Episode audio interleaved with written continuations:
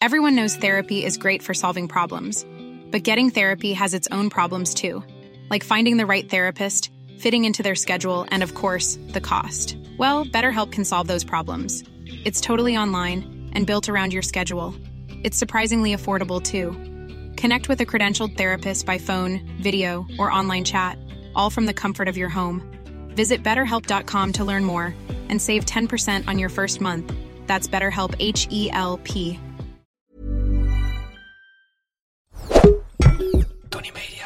Het is oorlog in Europa. Gaan we allemaal dood in een kernoorlog? Nee, ik denk het niet. Gaat deze oorlog de wereld veranderen? Dat weet ik zeker. Met deze podcast probeer ik grip te krijgen op de oorlog. Elke dag houd ik hier op de hoogte van de situatie in Oekraïne en Rusland. Dit gebeurde er op dag 37 van de oorlog. Uh, ja, vannacht hebben twee helikopters van de Oekraïense luchtmacht een uh, brandstofopslagplaats in Rusland gebombardeerd.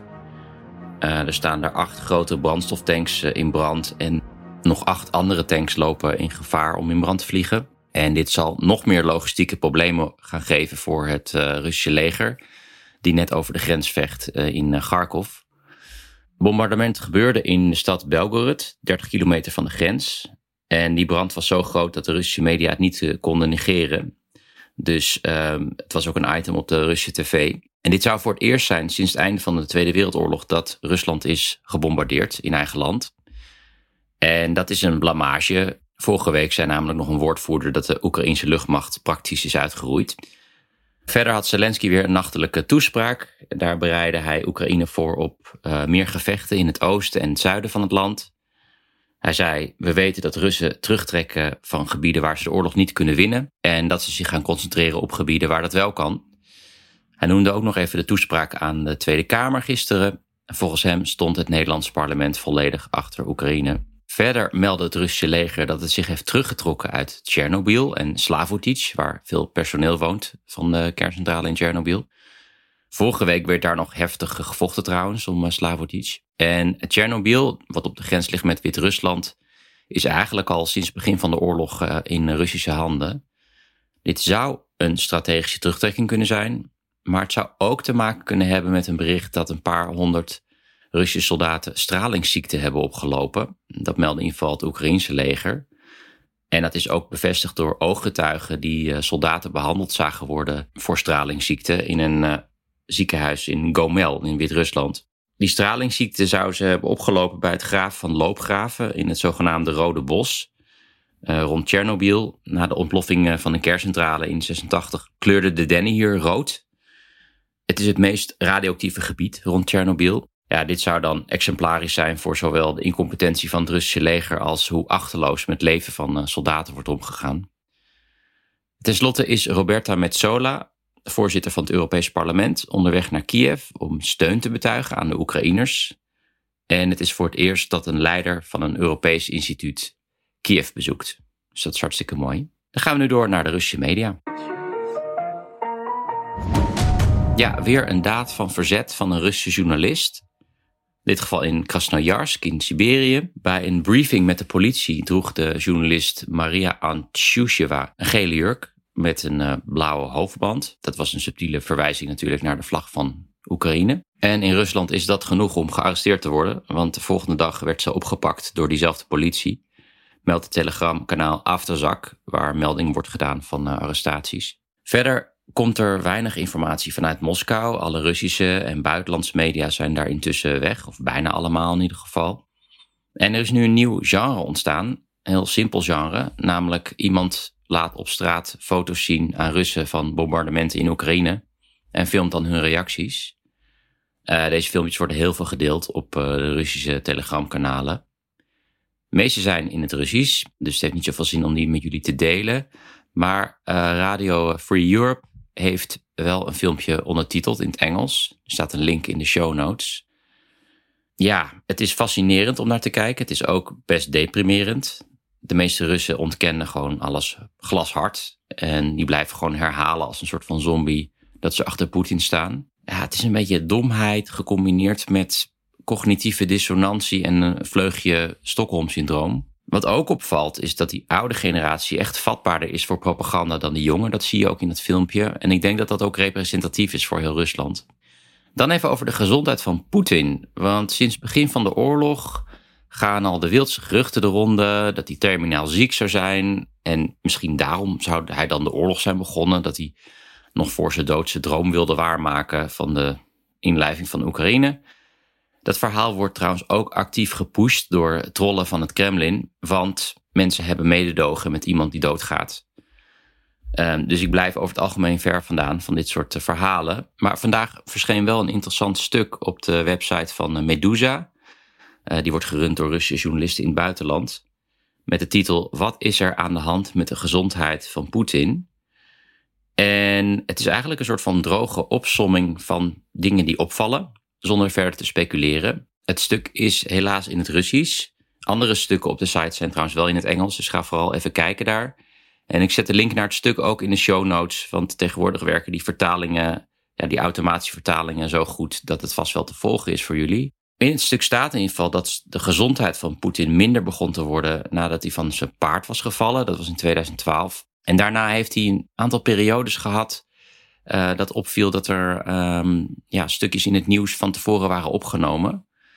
En dat, dat soort periodes duurden soms een paar weken. Dat was in 2015, 2017, 2018, 2021. Verder zou hij af en toe een bad nemen in het bloed van een hertengewei of het extract van het bloed van een hertengewei. Dat was dan weer een tip van zijn minister van Defensie, Sergei Shoigu, die ik wel vaker hier heb behandeld. Shoigu is afkomstig uit Altai, uh, op de grens met China. En uh, dit is een soort van traditionele ja, manier van uh, genezing. Verder meldt het stuk dat Poetin vanaf 2019 permanent wordt begeleid door negen dokters. Waarvan één dokter die een specialisatie heeft in schildklierkanker. En vanaf dat moment, ja, vanaf 2019, toont Poetin ook openlijk interesse af en toe in schildklierkanker. Afgelopen september was hij de hele maand afwezig. Officieel was hij in isolatie vanwege corona. Het is ook vanaf dat moment dat hij aan die eh, absurd lange tafel zat. Hoe dan ook, ik vond het wel een eh, verhelderend overzicht. Oké, en dan nog dit. Het is vrijdag, dus ik wil eindigen met wat uh, kijk- en luistertips voor het weekend. De eerste moet ik even inleiden. Iedereen in Rusland en Oekraïne heeft wel eens te maken met een of andere Sovjet-dinosaurus die een enorm lange speech geeft waar geen eind aan komt. Zelf was ik ooit op een receptie van de gouverneur van Gantimansisk in Siberië. De delicatesse was daar trouwens uh, bevroren vis. Die werd in plakjes eraf gesneden met een soort van kaasgaaf. En er was natuurlijk wodka. En de bedoeling is dat je tijdens zo'n speech je glas in de lucht geheven houdt, zolang de speech duurt. En ik had serieus de volgende dag dus spierpijn in mijn bovenarm. Vanwege dat kleine glaasje, maar dat moest ik toch de hele tijd maar omhoog houden. Ja, die speech duurde zeker 40 minuten en was echt van een hemeltergende saaiheid. En nog iemand die dat heel goed kan is Alexander Lukashenko, de leider van Wit-Rusland. Hij is nog langer dan Poetin aan de macht, al sinds 1994. Hij is een echt Sovjet-fossiel. En er gaan al weken memes viral van Lukashenko die een van de saaie speech houdt maar dan geplakt in een andere setting. Mijn favoriet is met Mr. Bean in de trein. Maar je ziet hem ook in een aquarium en dansend in het Zwanenmeer, in een achtbaan en ook in een softpornofilm. In de show notes zie je een link naar een verzameling van die memes, uh, verzameld door Sean Walker. Sowieso een goede om te volgen trouwens. Hij is correspondent voor The Guardian in, uh, in Rusland. Wil je trouwens meer weten over Wit-Rusland? In de show notes staat ook een aflevering die ik daar opnam. Dat gaat natuurlijk over Lukashenko, maar ik bezoek ook die uh, radioactieve bossen. Want de meeste fallout van Tsjernobyl die kwam terecht op Wit-Rusland. Dus misschien iets voor het weekend. Oh ja, ik wil je nog wijzen op een speciale avond in het kader van het Movies That Matter Festival van Amnesty in Den Haag. Op 11 april vertonen ze twee documentaires over Rusland. Um, eentje gaat over Navalny en andere gaat over het onafhankelijke tv-station Dozd, uh, dat kort na de oorlog sloot. En ik zal daar een panelgesprek leiden met de makers van deze twee eh, documentaires. Toegang is gratis en ik zal een link in de show notes zetten, dat je weet waar je moet zijn. Die documentaires zullen die avond trouwens ook gratis worden vertoond in het Kijkhuis in Leiden, Lumière Maastricht, Cinema Middelburg en het Louis Hardloper Complex in Utrecht. Oké, we eindigen met muziek, zoals altijd op vrijdag. Vandaag weer een oorlogsnummer uit de Tweede Wereldoorlog. Ik hoorde dit nummer voor het eerst toen ik opnames maakte voor Grensland. We filmden toen het Alexandrov-koor, vroeger heette dat het koor van het Rode Leger. En uh, die zongen uh, het lied dat je zo gaat horen. Kort na die opnames kwam het hele koor trouwens om het leven in een vliegtuigcrash. Ze waren toen onderweg naar Syrië om te zingen voor de Russische soldaten daar. Uh, hoe dan ook, het is een heel mooi lied. Um, in de show notes zet ik een versie van André Rieu. Om toch wat verder van de oorlog te blijven. En het is gewoon best een aardige versie. De titel van het lied is Poluske Polie. Letterlijk betekent dat veldje veld, maar dat is natuurlijk een beetje mal. Je zou het eigenlijk kunnen vertalen als de steppen. Ten slotte nog even een zakelijke mededeling. Om deze podcast draaiende te houden, zoeken we nog adverteerders. Er wordt ontzettend veel naar deze podcast geluisterd. Kennelijk is er veel behoefte aan dit soort informatie. Dus ik hoop dat het lukt. Je kan een mail sturen naar adverteren, apenstaartje, tonnymedia.nl. Tony is met een Y. Oké, dat was het voor nu. Ik wens jullie allemaal een fijn weekend en tot maandag.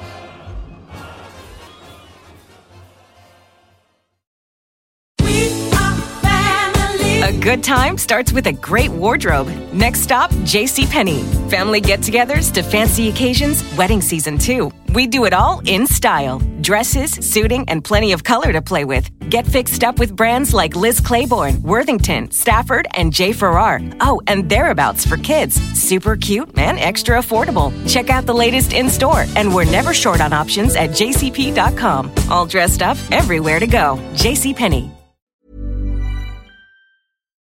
Ik heb geen idee waar je naar geluisterd hebt, maar misschien een goede tip om nog meer tijd te vermorsen. Luister eens een keer naar de Snopcast, waarin ik, Jort Kelder en mijn goede vriend Ivo van Rechteren Altena alles bespreken wat het leven draaglijk maakt zonder enig praktisch nut. Met uiterst overbodige snobjecten als ja, een machientje om je tandpasta uit te rollen, een ski natuurlijk van Bentley of een Kashmir springtouw. Jazeker, de Snopcast, omdat je het waard bent.